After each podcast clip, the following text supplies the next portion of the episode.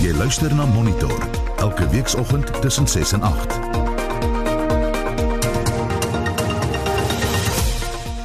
Presies 9 minute oor 7 nog in die nuus begrafnisondernemers het hulle hande vol met die tweede golf van die COVID-19 pandemie. Die laaste maand in die Oos-Kaap en KwaZulu-Natal was ons ontsettend besig geweest. Ons voer baie meer begrafnisse uit as normaalweg, so ons moes ons besigheid so bietjie aangepas het om almal te akkommodeer. Net hierna het ons meer oor die storie en 'n rooi hartbees neem die Centurion omgewing in Pretoria op horings. En die aand te maak weer sy opwagting is hy in Klapview. Toe is hy by die tennisbane by Klapview en hy het daar rondgehardloop vir die sekuriteitsmaatskappye agter hom aan was, maar hy het toe weer eens verdwyn. Bly ingeskakel. 11 minute oor 7 jy luister na Monitor en die begrafnisondernemingsmaatskappy Afbob sê hy hou nou meer begrafnisse as tydens die hoogtepunt van die eerste golf van die COVID-19 pandemie. Die bestuurder van begrafnisse by Afbob Pieter van der Westhuizen sê die sakeonderneming moes 'n paar aanpassings maak sedert die uitbreking van die COVID-19 pandemie. Daar is nuwe regulasies wat vroeg in die jaar na die eerste lockdown aangekondig was vir ons gegee was en die regulasies maar aangepas soos wat die lockdown verander is. So waar ons met COVID-19 positiewe oorledenes deel, moet ons dan na die persoon in lyksakke plaas. Ons gebruik 3 waarvan die laaste een 'n nie deursigtige sak is nie, maar die vorige is is wel. En dan na die persoon bekus is, sal ons dan nie weer die persoon oopmaak vir besigtiging en so meer nie. Dan weer by die begrafnis self, ons mense moet volle PPE aan hê, daai persoonlike beskermende drag waaraan insluit 'n coverall, skoenbeskermers, 'n masker, handskoene waar hulle dan die begrafnis uitvoer. So is dit baie onpersoonlik, lyk vreemd die familie is dan ook beperk afhangende van die vlak van inperking. Tans kan daar net 50 familielede by so 'n begrafnis wees. Die laaste maand in die Oos-Kaap en KwaZulu-Natal was ons ontsettend besig geweest. Ons voer baie meer begrafnisse uit as normaalweg, so ons moes ons besigheid so bietjie aangepas het om almal te akkommodeer. Waar ons 'n kultuur van begrafnisse oor naweek het, moes ons nou vir kliënte vra om asseblief ons te help om ook in die week te begrawe want jy kan nie al hierdie begrafnisse doen net oor die naweek nie. Jy, jy gaan nie deur alles kom nie. So daar is 'n bietjie van 'n verandering in terme van die kultuur wat ons gehad het om net oor naweke te begrawe. As ons kyk na syfers met hoeveel persent het begrafnisse gestyg? Hmm. Kom ons begin nasionaal. Het ons 65% meer begrafnisse gedoen Desember as wat ons die vorige jaar Desember gedoen het en dit kom nou nou 300% meer begrafnisse in die Oos-Kaap. Ons het 65% meer begrafnisse gedoen in KwaZulu-Natal.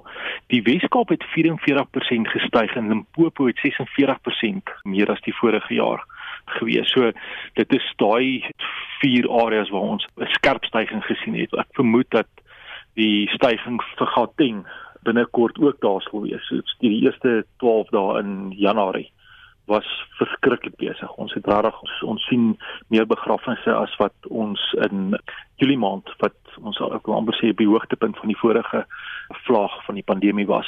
So ons het 'n geweldige stygings gesien. Ek wil amper sê met 80% groei in begrafnisse as ons dit met vergelyk met daai eerste 12 dae in Julie. Julle ervaring is dat daar meer begrafnisse is, met ander woorde meer mense doodgaan aan COVID met die hmm. tweede vlaag. Ja, dit is ons ervaring definitief. Ek dis nog vroeg. Januarie is nou 'n paar dae oud, maar as dit die tendens is, sal dit definitief so wees. Ons het ook, soos ek sê in Desember in die Ooskaap en KwaZulu-Natal was daar definitief meer begrafnisse selfs as wat ons in Julie gehad het. Maar landwyd nie. Ek en Julie was baie baie begrafnisse gewees. Maar daai spesifieke areas KwaZulu-Natal en die Ooskaap het ons meer begrafnisse gedoen hierdie jaar Desember as wat ons in Julie gedoen het. Raak dit verrassings ook? Ja, jy jy kan 'n liggaam veras of begrawe, maar die seremonie of die die diens is dieselfde. Die, almal gaan deur dieselfde proses. Die een liggaam gaan dan net krematorium toe en die ander liggaam word dan begrawe. Ons net verstaan ek hoor daar's baie gerugte dat as jy COVID positief was en jy is oorlede, moet jy veras word. Dis eenvoudig nie waar nie. Mense het steeds die keuse om begrawe te word of om veras te word. Het jy genoeg koelkamers gehad in KwaZulu-Natal en die Oos-Kaap? Ja, ons het redelike goeie beplanning gedoen vroeg in die jaar. So ons het skeepsvraghouers omskep in koelgeriewe en ons het dit dan oor die land heen gestuur. Baie van hulle is spesifiek na Durban toe om genoeg kapasiteit daar te skep sodat ons nie probleme met berging het nie. Ons het tans 22 reeds van hierdie skepvraghouers wat ons omskep het deur die land gestuur en daar is 'n verdere 6 op pad na verskillende areas toe. Ons het besluit in Augustus maand om nie vir ons kliënte geld te vra vir persoonlike beskermde klere nie. Daai toeriste nie. Ons het op hierdie stadium met ons tot einde November het ons ons kliënte 6 miljoen rand gespaar om hulle nie te vra vir die persoonlike beskermde drag nie. Nou is Pieter van der Westhuizen, die hoof van begrafnisse by Afpop wat met Mitsi van der Merwe gepraat het. Die Kaapse Wynland Distriksmunisipaliteit sê hy neem kennis van inwoners se kommer oor die hantering van COVID-19 oorledenes voor die begrafnis. Die gesondheidsdiens van die munisipaliteit, die munisipaliteit eerder sê hy doen sy bes om aan alle regulasies te voldoen. En ons praat nou met 'n woordvoerder van die munisipaliteit, Joanne Otto. Goeiemôre Joanne. Goeiemôre Susan en goeiemôre luisteraars. Dit is lekker om weer met julle te gesels. Wat is die prosedure wat gevolg moet word wanneer iemand aan COVID-19 sterf?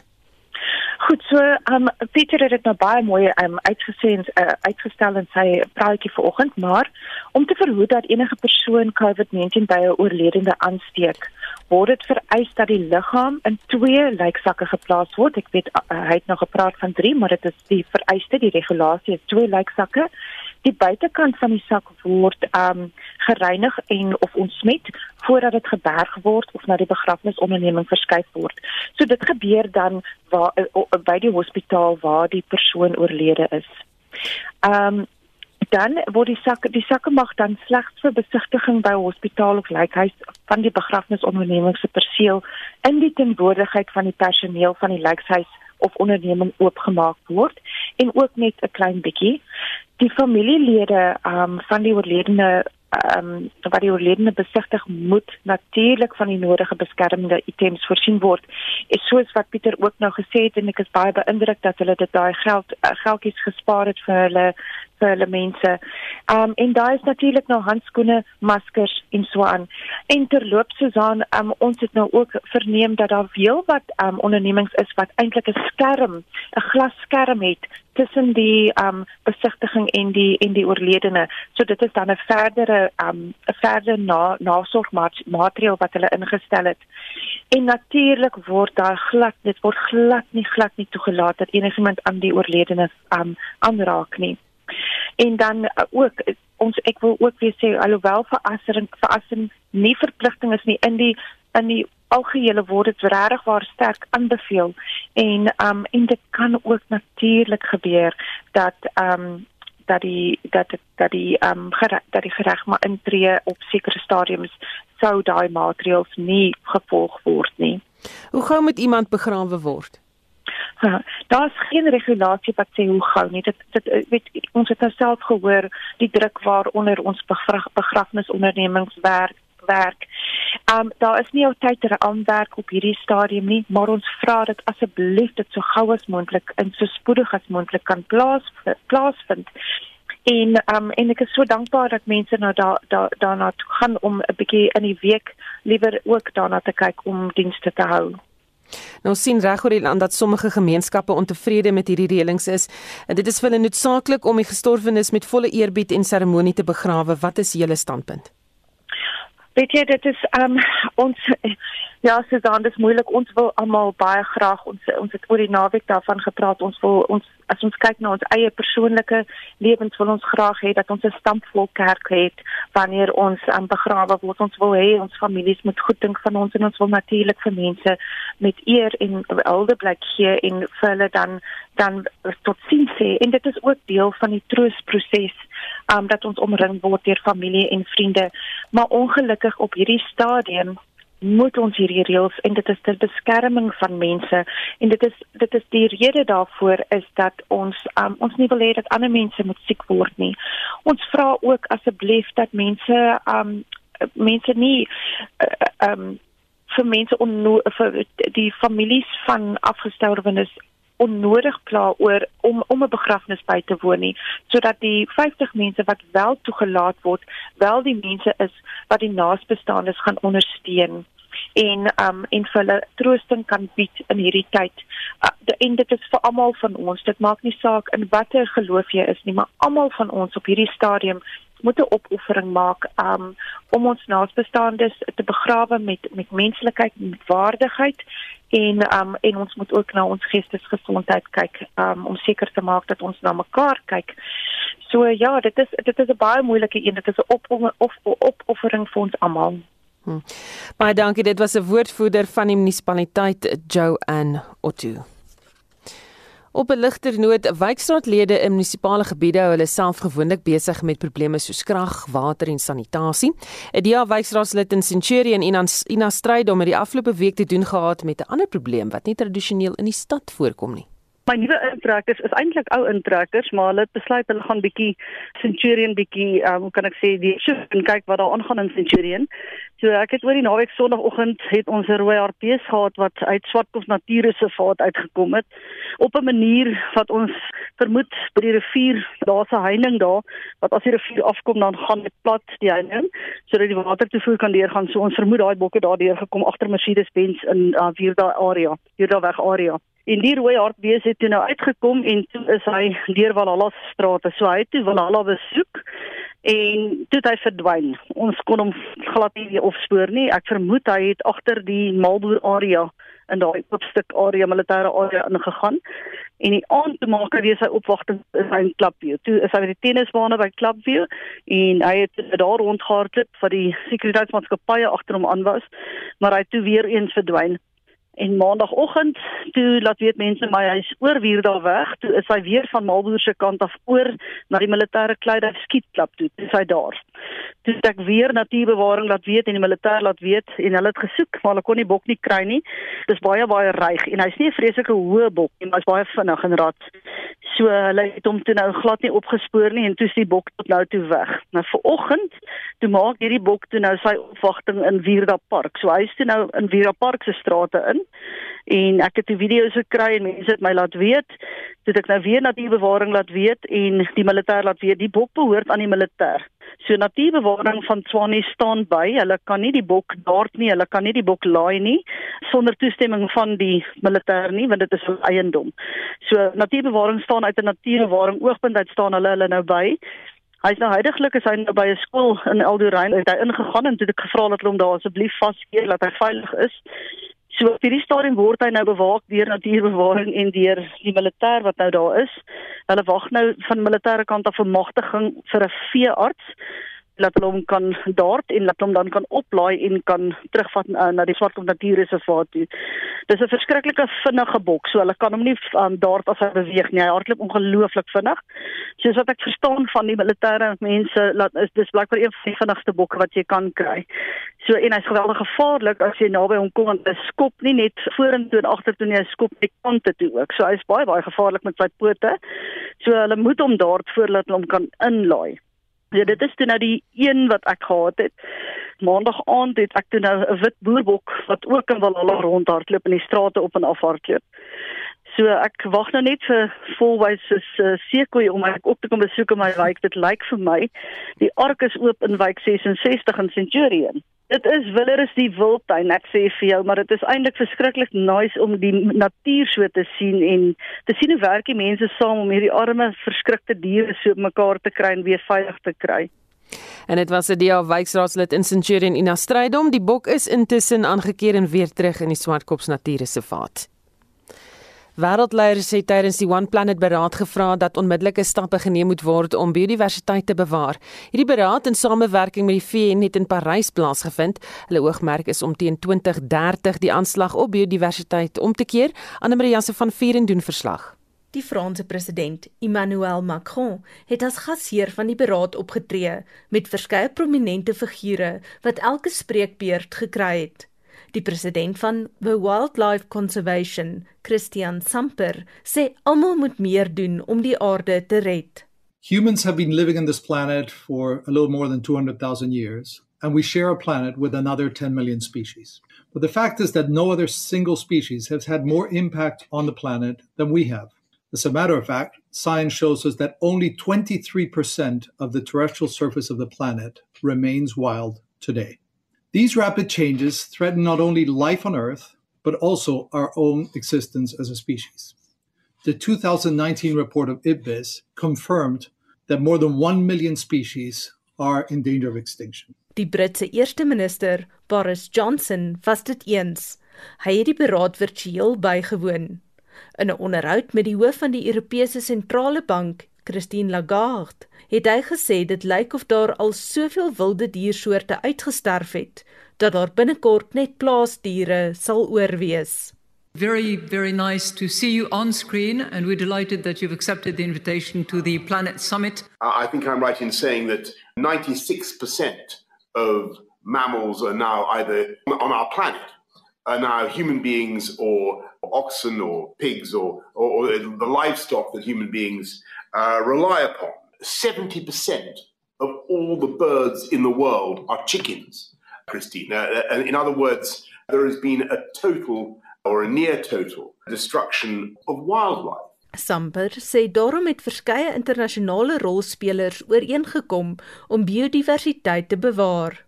We have a shared vision and we have the need to adopt a global goal which is to halt and reverse the biodiversity loss by 2030. And protected and conserved areas must be at the heart of this. Volgens die sekretaris-generaal van die VN, Antonio Guterres, kan omgewingsbewaring ook ekonomies voordelig wees, maar dan moet wêreldleiers nie weer hul spertyd mis om besoedeling te bekamp soos wat in 2020 gebeur het nie.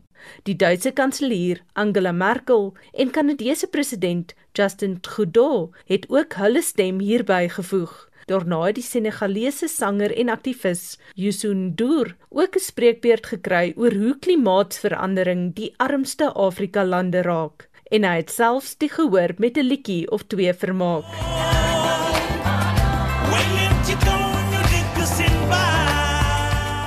Ek is Anne Marie Jansen van Vuren vir SAK nuus. 27 minute oor 7. Die departement van binnelandse sake gaan van hulle dienste onder vlak 3 van die COVID-19 inperkingsregulasies opskort. Die minister van binnelandse sake, Aaron Motsoaledi, sê die besluit om sekere dienste tydelik te staak is na deeglike oorweging geneem.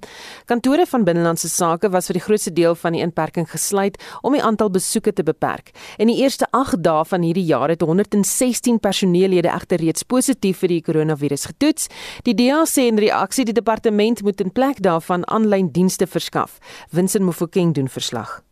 Die DA se skadu minister van binnelandse sake en parlementslid, Angel Kanyile, doen 'n beroep op die minister van binnelandse sake, Dr Aaron Motsoaledi, om aanlyn aansoeke met onmiddellike ingang 'n werklikheid te maak na aanleiding van 'n aankondiging dat sekere noodsaaklike dienste tydelik opgeskort word. The Democratic Alliance calls on the Minister of Home Affairs, Dr. Aaron Motsoaledi, to open online applications with immediate effects following an announcement that his department has temporarily suspended certain critical services, including applications for smart identity documents, passport marriage registration, and solemnization of marriages. The opening of online services will, at the very least, ensure that services are not completely halted and will also prevent the Department of Home Affairs from having an influx of applications when these services are reopened for frontline processing. Kanyile sê sy erken dat voorkomende maatreëls getref moet word om burgers en die departement se werknemers teen COVID-19 te beskerm en dat amptenare van binnelandse sake tans onder druk verkeer weens die groot aantal doodsertifikate wat hulle moet uitreik. No department is exempt from the wrath of the COVID 19 pandemic. However, merely kicking the can down the road with no workable solutions is not feasible.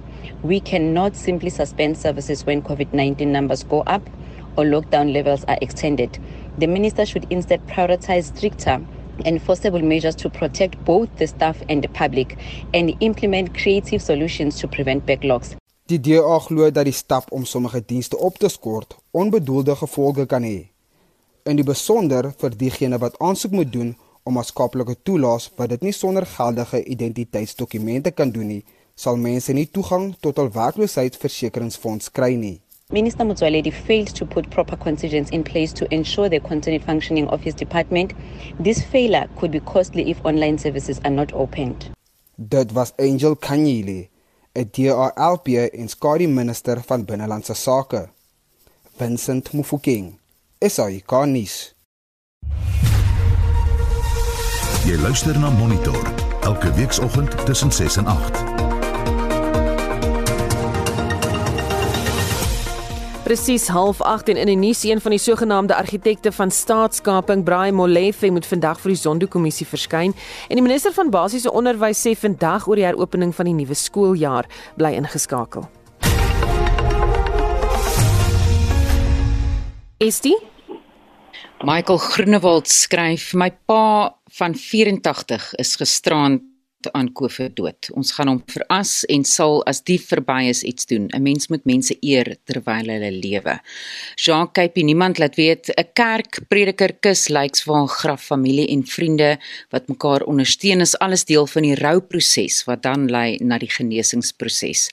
As mense nie deur die rouproses kan gaan nie, is daar nooit werklik afsluiting vir geliefdes nie. Dit bly dan 'n onwerklikheid. Eh, Samuel Walters van Volvleidam in Gouda sê ek dink 'n laaste huldeblyk vir naasbestaandes is belangrik. Hou dit klein en stadig want die dood is so finaal. En Gina Edwards skryf vir ons wat dit soveel hartseerder maak die afgelope jaar is dat mense nie eers by hulle geliefdes kan wees in 'n hospitaal nie. Dit is verskriklik en dan moet daar nog 'n vinnige begrafnis ook wees. En Anita van der Merwe laat weet my ou boet is verlede jaar op 8 November dood en hy's veras. Ek het sy lewe gevier met die brand van 'n kers en hy bly in my onthou. My skoonsister beplan 'n afskeid afskeidsviering wanneer die kinders van oorsee af weer na Suid-Afrika kan vlieg. Ons wil vandag by jou weet hoe belangrik is dit vir jou om op 'n behoorlike manier 'n laaste eer eerbied te betoon aan iemand wat oorlede is, veral nou ook in die lig met COVID-19 regulasies. Stuur vir ons SMS na 45889 teen R1.50 per SMS of gesels saam op ons Facebookblad by facebook.com vorentoe skynstreep ZARSG. Ek's net so voor met nog van jou terugvoer en Steve wat ons terugvoer gegee het. Hierdie naweek se halfeindstryde van die Karibeker rugby kompetisie is na aanstaande naweek uitgestel en ons praat nou met Pieter van der Berg oor die jongste sportgebeure. Goeiemôre Pieter. Môre sê Susan. Pieter, som eersins vir ons die Karibeker rugby kompetisie op. Ja, die uh, spanne daar, sewe spanne wat aan die kompetisie deelgeneem het en uh, natuurlik elkeen van hulle 12 wedstryde agter die rug. Nou die Bulle het bo geëindig op die punteleer met 39 punte. Die WP was tweede met 37. Die Haie 2 punte verder terug op 35 en die Lions, hulle het in die vierde plek geëindig. Dis nou oor die vier spanne wat in die top 4 is en wat in die twee halfeindwedstryde sal speel. Die twee boonste spanne, uh, natuurlik 'n tuisveld voordeel, nommer 1 speel teen nommer 4. Met ander woorde die Bulle speel op hulle tuisveld teen die Lions en die WP speel teen nommer 3, dit is die Haie. En uh, daardie wedstryde vind dan nou aanstaande Saterdag plaas om 2:00 die middag sal die Bulle en die Lions uh, te mekaar uh, kragte meet en uh, RSG sal daardie wedstryd volledig ook uitsaai. En so ook met uh, die tweede wedstryd wat om 05:30 begin, die WP teen die Haie en Dion Skuman sal in die ateljee wees om uh, ons op hoogte te hou van gebeure. So dit is wat die rugby aanbetref Susan. Die Amerikaanse PGA Golftoer is weer aan die gang terwyl sake in Europa nog rustig is. Ja, dis die Sony Ope wat gisterand Suid-Afrikaanse tyd daar in Honolulu in Hawaii begin het. Nou daar is drie spelers wat 'n uitstekende ronde van 62 gespeel het in die eerste ronde. Pieter Malnati, hy's op 800, so ook Jason Kokrak en Joaquin Neiman. Wat Suid-Afrika betref, Erik van Rooyen en uh, eh, Emmy Duffy Hulle is beide op 300 syfer. Aanstaande week begin die Europese toer, dan kom hy weer aan die gang. Dit sal die Abu Dhabi HSBC kampioenskap wees wat in die Verenigde Arabiese Emirate gespeel word. En dan eh, hier op die plaaslike front word die eerste sonskyn toernooi en nou eers in Maart gespeel. Dit sou in Februarie gewees het, maar soos aan dis uitgeskuif met 'n maand. Die moderne Dakar tydren staan einde se kant toe. Wat die jongste stand van sake daar? Ja, dis die 43ste tydren wat vandag ten einde loop daar in Saudi-Arabië. Nou gister is die 11de skof gejaag. Dit was so oor byna 600 km in die motorafdeling het Nasser Al-Tayyi geseëvier Stefan Pieter Hansel was tweede en Carlos Sainz was derde gewees. Janiel de Villiers van Suid-Afrika, hy was gister agste. Nou algeheel is Pieter uh, Pieter uh, Stefan uh, skies, Stefan Pieter Hansel is hy uh, nog steeds die voorloper. Nasser Al-Attiyah is in die tweede plek en Carlos Sainz is derde en soos ons sê die laaste skof sal dan vandag gejaag word. In die motorfietsafdeling is gister se skof deur Sam Sunderland gewen en algeheel is Kevin Benavides steeds die voorloper op sy Honda. Sam Sunderland is in die tweede plek en Ricky Brabeck, hy is daar op sy Honda in posisie nommer 3. Oor 10 dae begin die eerste kriekettoets tussen Pakistan en Suid-Afrika. Waar lê die huidige krieket fokus? Ja, daar is twee toetse wat uh, tans aan die gang is vanoggend. Het die vierde toets tussen Australië en Indië begin, dis daar in Brisbane. Die reekstelling daar is 1-11 teen teetyd. Was Australië op 154 vir 3. Dit het aangegroei na 189 vir 3 en Marnus Labuschagne, hy staan op 97 en uh, hy is uh, met ander woorde baie naby aan sy 100tal in daardie wedstryd. En dan die eerste toets tussen Sri Lanka en Engeland het gister in Galle begin. Sri Lanka het in die eerste beurt vir net 136 uh, 135 lopies uitgehaal en Dombes hy het 5 paadjies geneem vir 30 lopies. Stewart Broad hy het op sy beurt 3 paadjies vir 20 lopies aan kant toe. Engeland se telling in eh, die einde van dag 1 uitskeidtyd gister was uh, 127 vir 2. Dit beteken Engeland is net 8 lopies agter met nog 8 paadjies staande. Joe Root op 66 en Johnny Beste op 47 sal vandag die golfbeurt voortsit. Gisteraand is daar een sokkerwedstryd in die Engelse Premierliga afgehandel en vandag is daar aksie hier in Suid-Afrika. Ja, ons uh, doen na daardie wedstryd van gisterand. Dit is Arsenal en Crystal Palace wat met 0-11 gelyk op gespeel word, gespeel het. En dan vanaand in daar in Engeland is dit uh, Fulham teen Chelsea en dan in die plaaslike reeks is dit die Glad Africa Kampioenskap wat uh, plaasvind vandag en uh, daar is soos jy sê drie wedstryde. Môre in die Engelse Premier League gaan nie minder nie as vyf wedstryde en dan in die plaaslike uh, Premier League Saterdag, dis nou môre, is daar ses wedstryde. Dit sluit onder meer in Bloemfontein Celtic teen Stellenbosch en Cape Town City teen Kaizer Chiefs. Baie dankie, dit was Pieter van der Berg met die jongste sportnuus. Nou moet tyd vir wêreldnuus. Ons begin met nuus uit Brasilia oor die dood van uh, jong swart mense in die land. Heinrich Sodoende duisende Brasilianers sterf jaarliks weens polisie optrede. Die BBC het toe besluit om 'n ondersoek hierna te doen oor spesifiek watter groepe die grootste risiko loop om aan die hand van polisiegeweld te sterf. Nou die ondersoek het nou in die lig gebring dat as jy jonk en swart is, loop veral jy die gevaar. Net in die staat Rio de Janeiro alleen was 75% van die 1200 mense wat gedurende 2020 in polisieoptredes dood is, swart Brasiliane. Nou, hierdie week se verkiesings in Uganda het ook tot 'n uh, sosiale media stryd gelei. Dit kom nadat Facebook verskeie regeringsverwante Facebook-profile in die land opgeskort het weens die oortreding van die sosiale media reëls se reëls. Die, die regering van president Yoweri Museveni het teruggeslaan deur nie net Facebook en Twitter te verbied nie, maar die ganse internet op te skort. Museveni wat nou al 30 jaar aan bewind te sê en ek haal hom aan, in sy land kom speel en besluit niemand wie is goed en wie is sleg nie. Die president se vernaamste teenstander in die presidentsiële verkiesing is die musiekster Bobby Wine. Terwyl sosiale media platforms soos Facebook, Twitter en WhatsApp tans elders in die nuus is, is die fokus in Australië op Google. So die Australiese regering wil hê Google, Facebook en ander tegnologiese maatskappye moet betaal vir plaaslike nuusinhoud. Google het egter 'n aantal plaaslike nuuswebwerwe geblok in wat hy noem 'n eksperiment om te bepaal wat die waarde van sy diens is aan Australiese nuusorganisasies. In Amerika maak die aangewese president Joe Biden reeds planne om die koronapandemie te pak sodra hy volgende week ingehuldig word. Biden het 'n stimuluspakket van 1,9 triljoen dollar aangekondig waarmee hy die Amerikaanse ekonomie 'n hupstoot wil gee. Dit sluit 415 miljard dollar in om die virus te beveg en 440 miljard dollar om klein sake te help.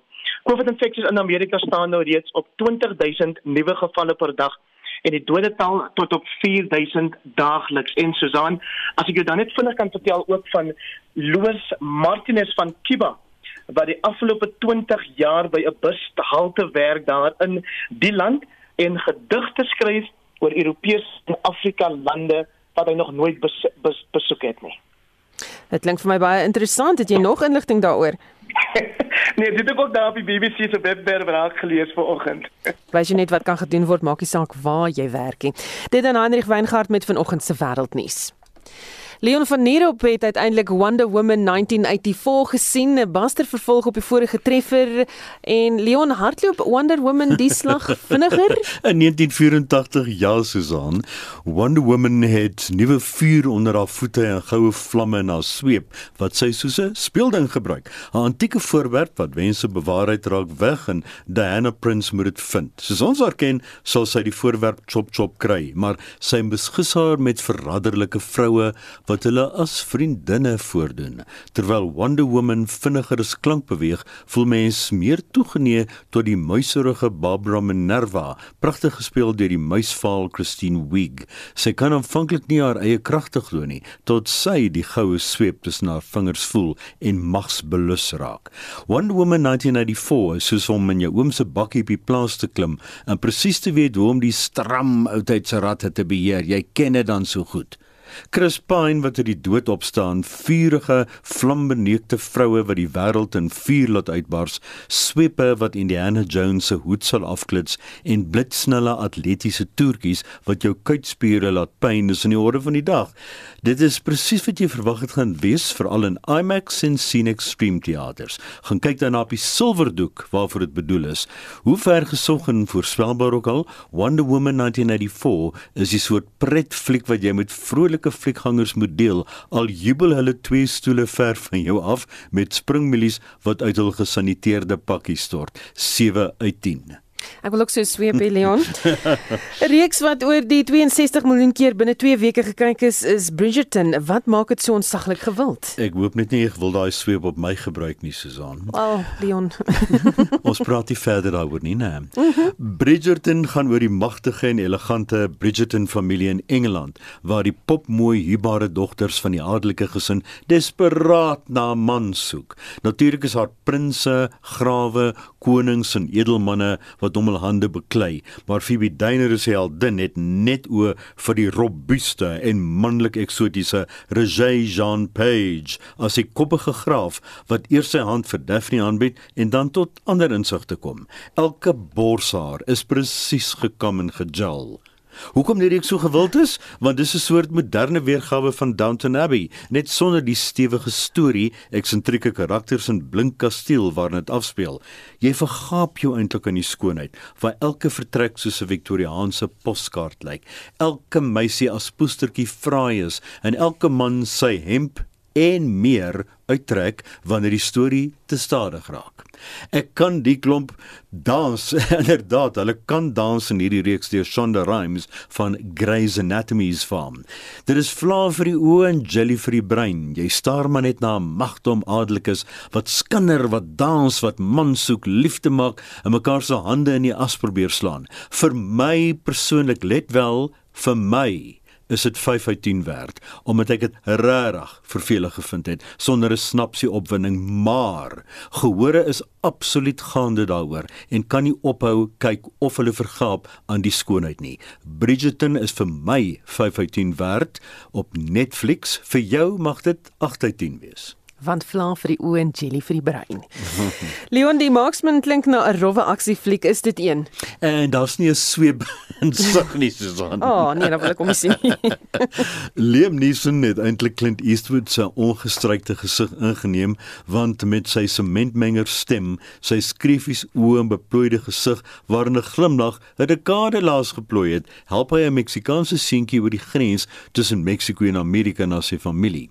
Die film poog om kommentaar te lewer op die immigrante kwessie in Amerika, maar dis 'n redelike stadige, dog stewige film oor die vriendskap tussen 'n hardebaard oud soldaat en 'n desperate seun. Aanbeveel is jy na gemiddelde ligte aksievermaak soek wat nie te veel vereis nie. Dis Clint Eastwood light. The Marksman kry 6 uit 10 en is slegs in rolprentteaters. Lees die resensies op ons webblad erisg.co.za, dan klik jy op fliekrubriek reg onderaan die bladsy. Baie dankie, dit was Leon van hier op met sy weeklikse fliekrubriek. 23 seeskilpaaie wat rehabilitasie ondergaan het by die Two Oceans Aquarium is gister vrygelaat in die see, dis nou in Kaapstad en ons praat nou met Marike Muson, bestuurshoof van die Two Oceans Aquarium se opvoedingsstigting. Goeiemôre Marike. Hallo Susan, dankie vir 'n bietjie ligtyd vir die skilpaaie. Jong, daar's so mooi, sulke mooi foto's geneem en ek het dit op ons Facebook bladsy geplaas. Dis nou Monitor en Spectrum sin so as jy wil gaan sien hoe dit lyk, gaan kyk gerus daar, maar maar ek sê vir my watter tipe skilpaaie is alles vrygelaat? Ja, ons is baie gelukkig gister want dit was sommer 'n groepie van verskillende spesies. So daar was die karetskilpaadjies, 'n klomp kleintjies wat natuurlik 'n jaar terug uitgebroei het in Noord-Natal en so in die warmstroom afgespoel het en op een of ander manier in die koue water opgeëindig het en toe op strande uitgespoel het en hulle was almal so maart eintlik net voor die grendeltyd meestal gered. En dit ons ook 'n vreeslike mooi groen skilpaadjie wat in Struisbaai opgespoel het.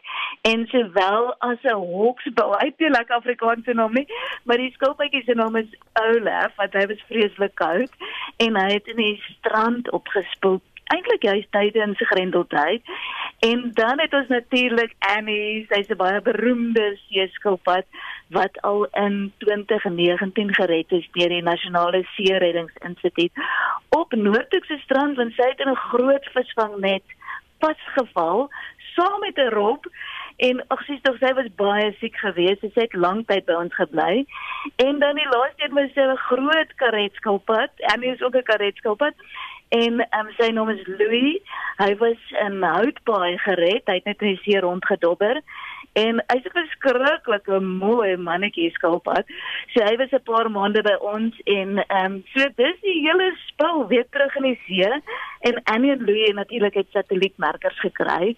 So ons gaan hulle kan volg waar hulle rondtoer in die see. Dit is baie opwindend. Hmm. Ons praat gou 'n bietjie weer oor Annie. Ehm um, let's say 'n sogenaamde bubble bath gehad. Vertel ons daarvan. Ja, ek het nou juist gedink, hoe kan mens dit mooi in Afrikaans bespreek want daar's net nie 'n gepaste woord nie.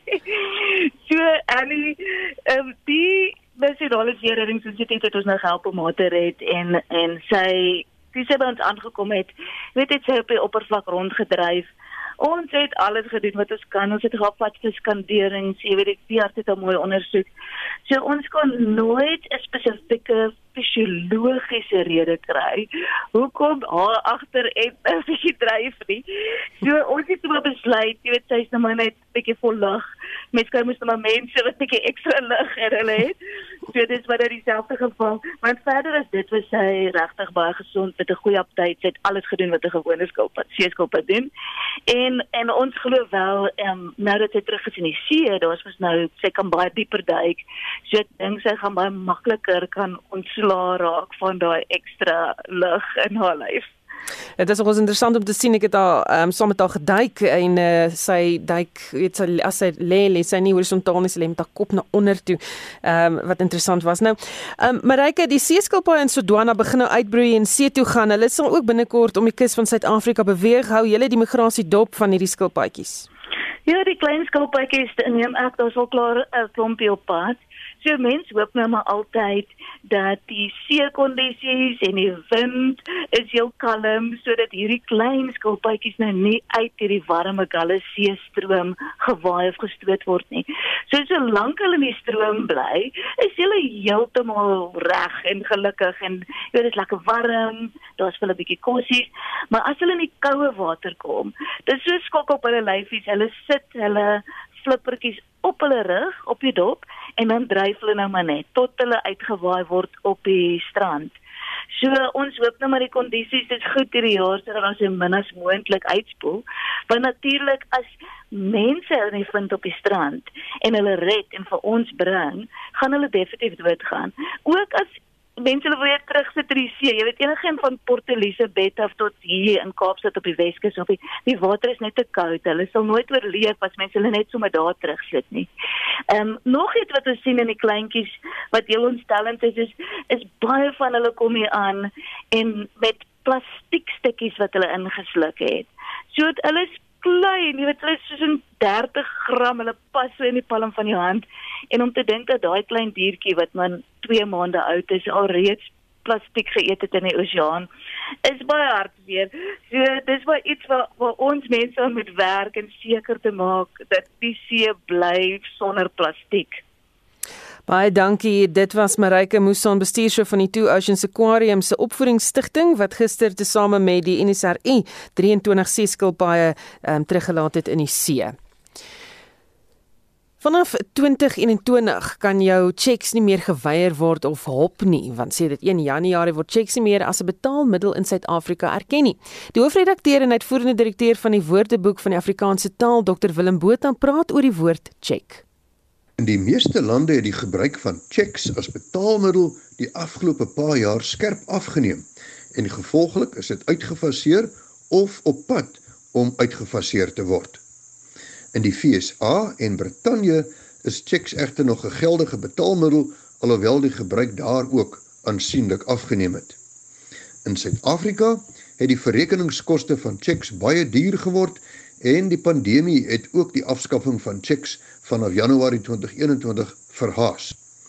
Sommige banke het sedert die begin van die inperking in Maart 2020 'n afname van 80% in transaksies ervaar.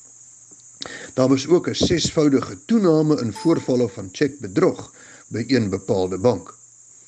'n Cheque is 'n dokument wat 'n bank opdrag gee om 'n bepaalde bedrag uit iemand se rekening te betaal aan iemand in wie se naam die cheque uitgeskryf is.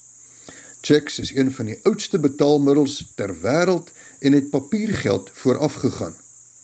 'n Primitiewe vorm van cheques is reeds voor Christus deur die Romeine en ook deur Arabiese handelaars gebruik wat dit onnodig gemaak het om hoop, goud en silwer saam te dra of as betaalmiddel aan te hou.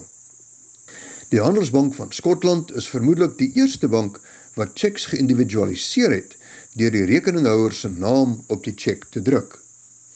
Cheque in Afrikaans is 'n leenvertaling uit die Engels cheque wat in 1774 vir die eerste keer opgeteken is. In Engels was die spelling eers cheque C H E C K of check C H E C Q I E of die spellingvorm wat tans gehandhaaf word C H E Q I E. Maar dit is later in die meeste Engelssprekende lande gestandardiseer in die huidige spelvorm. Die spelling check C H E C K is van 12 slegs gebruik vir die Engelse werkwoord wat nagaan of kontroleer beteken.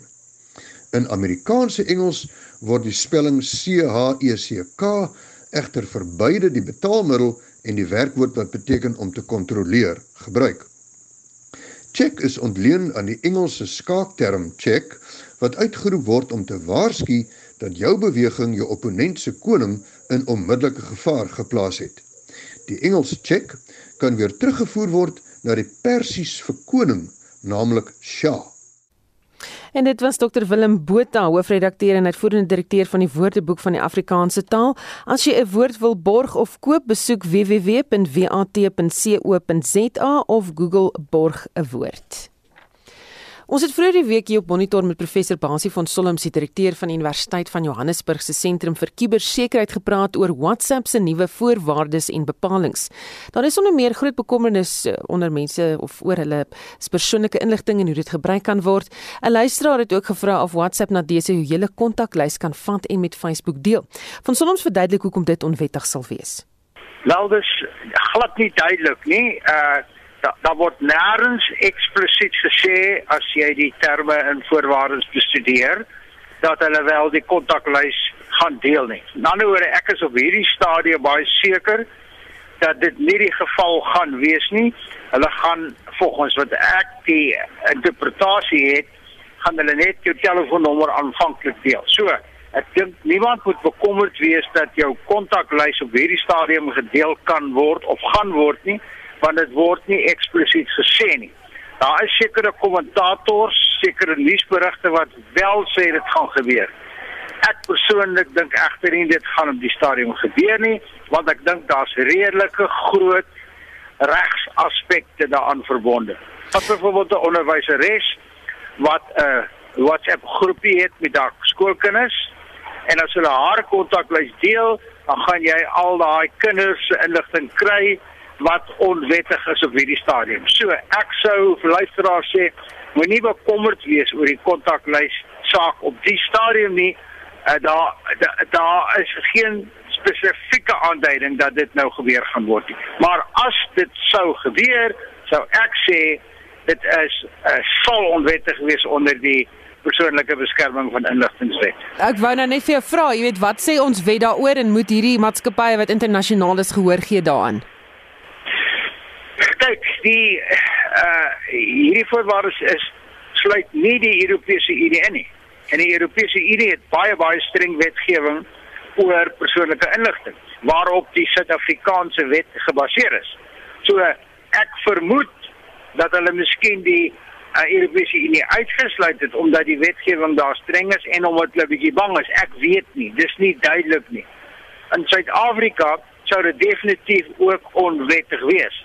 Want selfs as dit 'n besigheid is wat met sy kliënte 'n WhatsApp groep het waarop hulle inligting gee oor nuwe produkte en nuwe pryse en al sulke goed, dan mag hy daai inligting mag hy met niemand deel sonder hulle toestemming. So ek sien regtig en ek is nie regsgeleerde nie, maar in my leuke kennis dink ek dit sal probleme wees en ek dink nie dit gaan op die oomblik gebeur nie. Die gevolge daarvan is te groot, maar dat ek duidelik sê die uh nuwe terme en voorwaardes sê nie eksplisiet dat dit nie gedoen gaan word nie en hulle sê ook eksplisiet dat dit gedoen gaan word. En so my interpretasie nie nou nie, miskien later, maar dat ons maar dit in ons agterkop hou. En dit was professor Basie van Solms, die direkteur van die Universiteit van Johannesburg se sentrum vir kubersekerheid. Estie, jy het vir ons terugvoer. John van Belwel sê vir my is begrafnis nie nodig nie want die liefde vir die oorledene sal jy altyd altyd in jou hart dra. 'n Luisteraar laat weet vir ons, ek het gister 'n familievriend se begrafnis op Facebook gevolg. Dit was 'n besonderse voorreg. Ek sou in normale omstandighede nie die begrafnis kon bywoon nie omdat ek te ver bly mag hierdie uitstekende nuwe idee voortduur. Didi Manga skryf, dis maar vir my 'n manier om finale afskeid te neem. As ek nie daar kan wees vir 'n begrafnis nie, doen ek maar 'n ritueel by die huis deur aan die herinneringe te dink en vrede maak dat dit dat die persoon nie meer met ons is nie. Vanessa Kordier sê my ouma van 100 jaar en 4 maande is op 2 Januarie oorlede. Ons dominee het 'n diens in ons ouers se sitkamer gehad. Ons was net 8 mense, maar dit het gevoel asof ons in die kerk is. En Josie De Lange sê dit is goed en wel dat mense jou geliefdes met eerbied wil begrawe, maar nie in hierdie tyd nie. Net die direkte familie moet nou toegelaat word. Baie dankie vir jou terugvoer vandag. En dit was Essie de Klerk wat vir ons die SMS terugvoer dopgehou het. Bly geskakel vir praat saam net hierna en onthou Spectrum tussen 1 en 2 vanmiddag. En dit was 'n uh, eh, monitor vanoggend met waarnemende uitvoerende regisseur en vanoggend se redakteur Hendrik Martin, ons produksieregisseur Lewona Bekes. My naam is Susan Paxton. Geniet jou oggend.